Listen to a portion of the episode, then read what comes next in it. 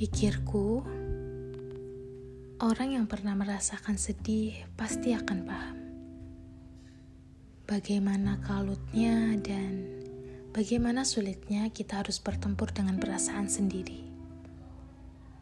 Dari situ, aku pernah menyimpulkan, pasti orang-orang juga bakal tahu kalau sedih itu nggak enak. Orang sedih itu butuh pelukan, butuh uluran tangan, dan butuh pundak untuk bersandar.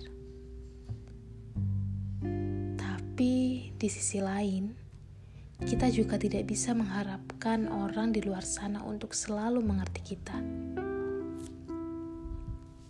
Ingat ya, hidup itu bukan tentang orang lain saja, tapi juga tentang diri kita sendiri di mana diri sendiri adalah tempat paling utama untuk kembali pulang.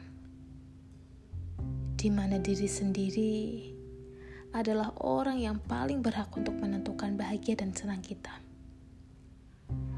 Maka dari itu, pulanglah kepada diri sendiri, bukan orang lain, karena bahagiamu ada di tanganmu.